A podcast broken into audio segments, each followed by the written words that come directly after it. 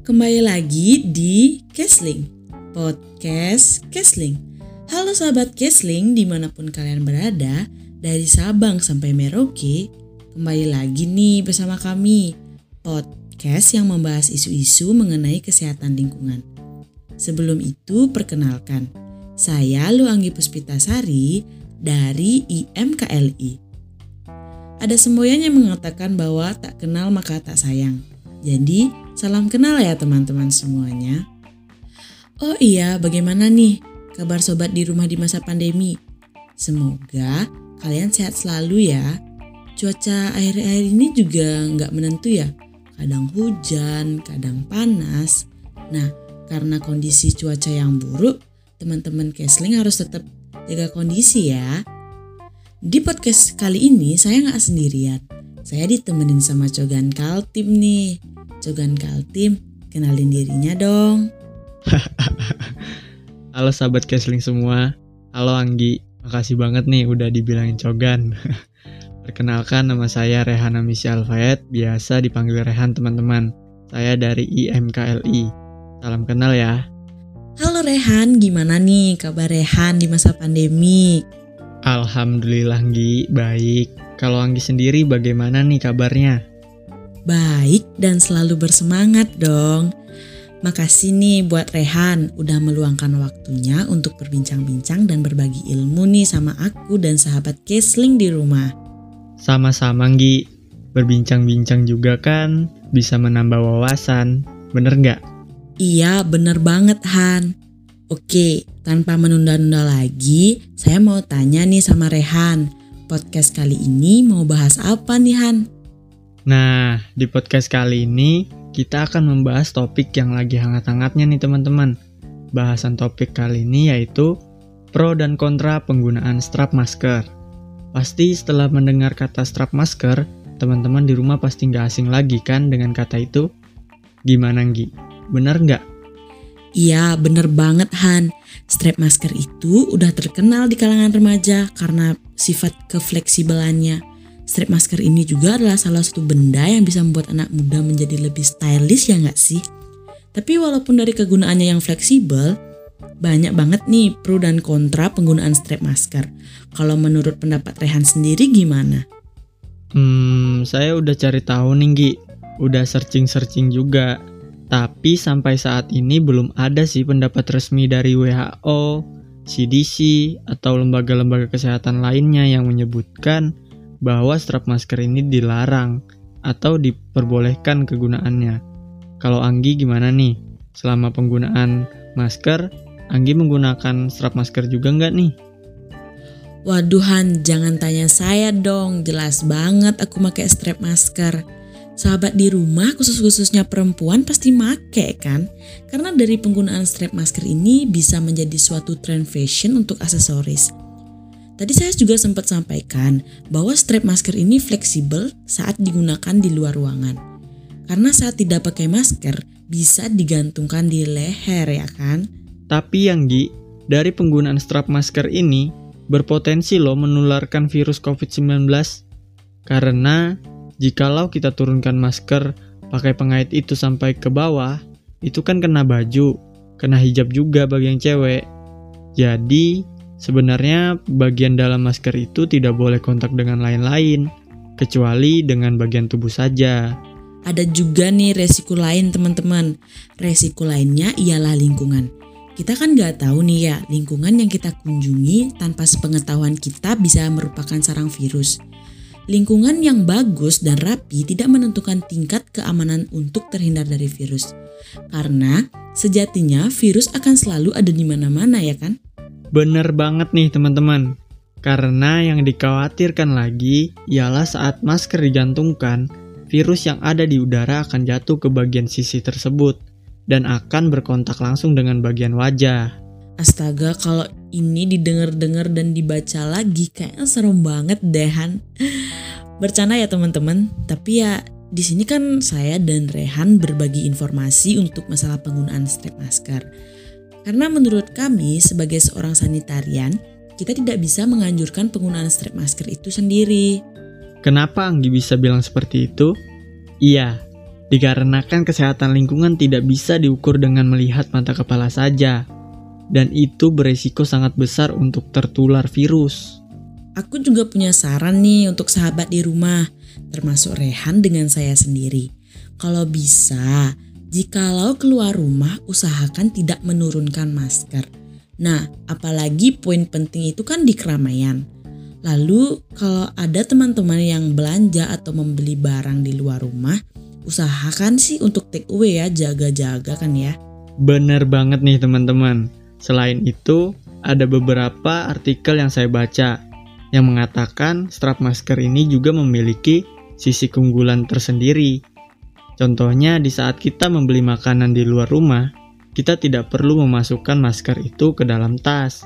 Karena yang ditakutkan lagi di dalam tas tersebut kan bisa saja kotor.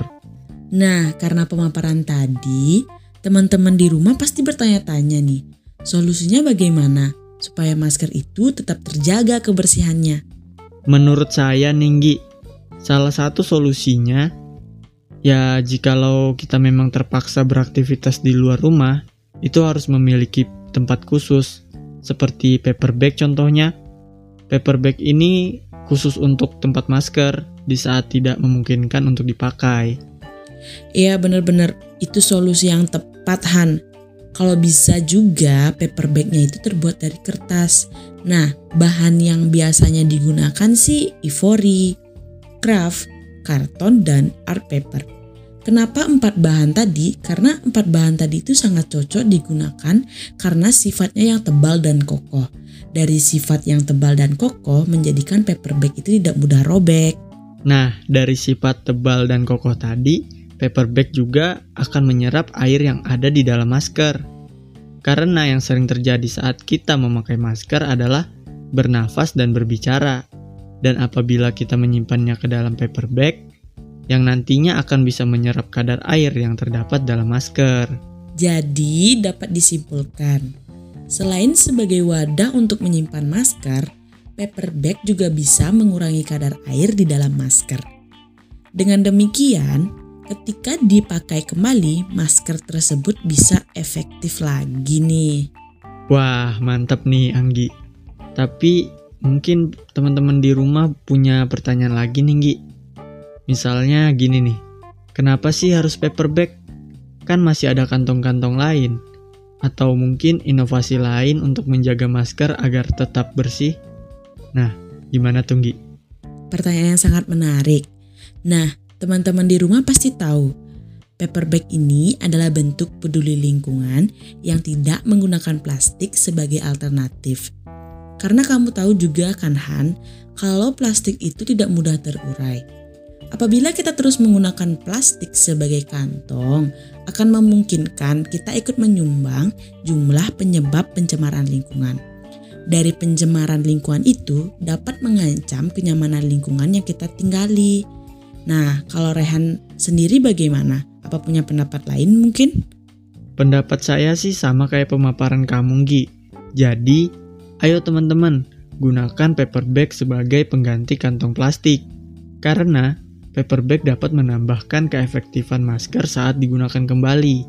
Dan paper bag juga ramah lingkungan, serta sampah paper bag itu bisa didaur ulang kembali loh. Dan juga dapat mengurangi pertumbuhan sampah plastik yang pastinya. Nah, dari situ tugas kami sebagai seorang sanitarian mengedukasi masyarakat bahwasanya penting sekali menjaga kesehatan, baik itu di lingkungan maupun di masyarakat. Gitu teman-teman. Mantap banget tuh. Jadi demikian pemaparan pendapat dan saran yang bisa kami berikan mengenai pro dan kontra penggunaan strap masker. Karena udah waktu ya, karena kalau semakin lama kita ngoceh, nanti kalian bosen dengerin kita ngomong ya kan? Canda ya teman-teman. Jadi terima kasih teman-teman semua yang udah mendengarkan podcast kami kali ini. Terima kasih juga buat Rehan udah menemani aku bincang-bincang masalah strap masker. Iya, sama-sama Anggi. Terima kasih juga Anggi. Terima kasih teman-teman yang sudah mau mendengarkan podcast kami.